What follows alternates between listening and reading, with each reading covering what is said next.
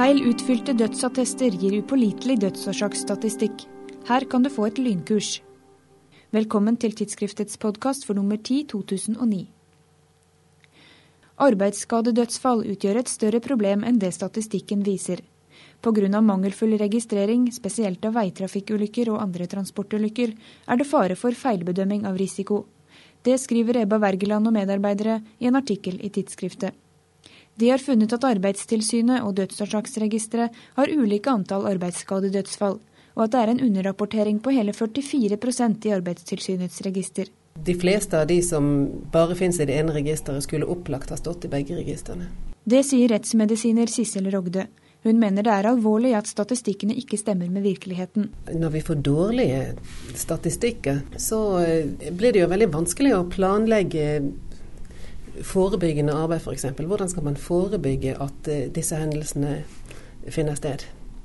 Der må vi ha gode statistikker. Vi må også ha det for å følge opp hvordan eh, tiltakene som blir satt inn, virker. Hun mener en forklaring til avviket er at Dødsårsaksregisterets datagrunnlag er for dårlig. Legens dødsmelding er det viktigste grunnlagsdokumentet, og dødsattesten er slett ikke alltid korrekt utfylt. Vi ser veldig mye merkelige feil. Problemet er vel at eh, de fleste kanskje ikke gjør det så ofte, og at ikke dette er prioritert, og at man faktisk heller har hatt liten og ingen undervisning i hvordan man skal gjøre dette. Vi har eh, begynt å undervise i utfylling av dødsattest. Og vi har også regelmessig gitt eh, legeerklæring om dødsfall til eksamen. Vi vet jo at de har veldig mye å lære i studiet, men det er faktisk viktig å fylle ut legeerklæring om dødsfall korrekt. Men det er ingen enkel sak. Det er mange punkter og detaljer som skal stemme. En korrekt utfylt dødsattest eh, inneholder for det første en del formalia om vedkommendes navn, adresse, personnummer osv. Så, så finnes det en rubrikk med dødsårsaken. Og i den rubrikken så syndes det mye.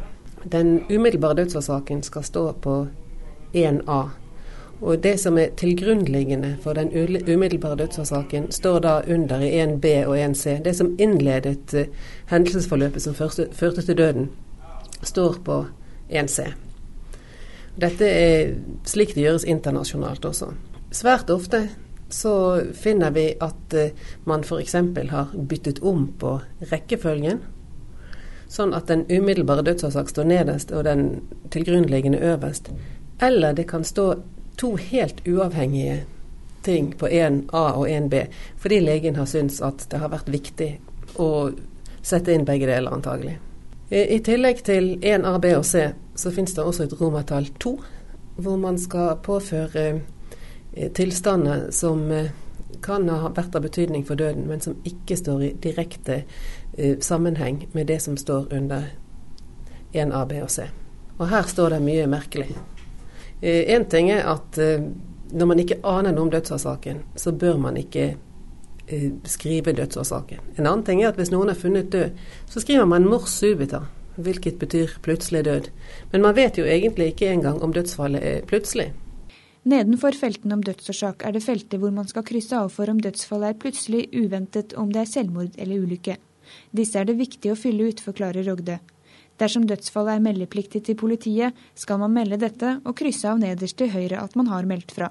Men da skal man ikke undertegne der det står om døden er voldt ved en straffbar handling, men kun undertegne på venstre side. Mange vil sikkert uh, bli litt mast på for å undertegne på høyre side også, fordi at man trenger en underskrift på dette stedet for å få kremasjonstillatelse, eller hvis den døde kroppen skal føres ut av landet. Men uh, er dødsfallet meldepliktig, så får man uh, spille ballen over til politiet som man har meldeplikt til. Som rettsmedisiner kommer Rogde inn i bildet når dødsfallet meldes som unaturlig og politiet begjærer sakkyndig likeundersøkelse. Dersom det f.eks. dreier seg om en arbeidsulykke, kan obduksjonsfunnene være viktige for å kartlegge selve ulykken, og for å kunne forebygge lignende hendelser. Dersom obduksjonsraten hadde vært høyere enn dagens 10% ville statistikken vært mer pålitelig, mener Rogde.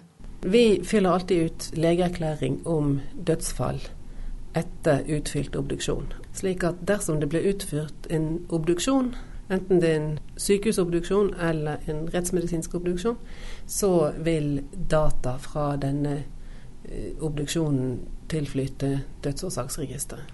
Så i disse tilfellene eh, skulle det i hvert fall foreligge korrekte data. Men dette dreier seg da om under 10 av de døde, og obduksjonsraten er fallende. Dagens dødsattester viser til legeloven av 1981 og er modne for utskiftning. Utkast til nye attester ble sendt på høring for ni år siden, men siden 2002 har det vært tyst, ifølge Rogde. For å få en mer pålitelig dødsårsaksstatistikk etterlyser hun opplæring for legene og flere obduksjoner. Det å obdusere mer, det ville jo være fint for dødsårsaksstatistikken. Det ville også være fint eh, for rettssamfunnet når det gjelder rettsmedisinske obduksjoner. Og det ville faktisk være veldig fint eh, for eh, pasienten og klinikken når det gjelder sykehusobduksjoner. Man finner stadig overraskende funn som man ikke har sett ved alle de undersøkelsene som har foregått, også når pasienten har vært innlagt. Du kan lese Wergelands originalartikkel og Rogdes lederartikkel i tidsskriftet nummer ti. Takk for at du hørte på tidsskriftets podkast.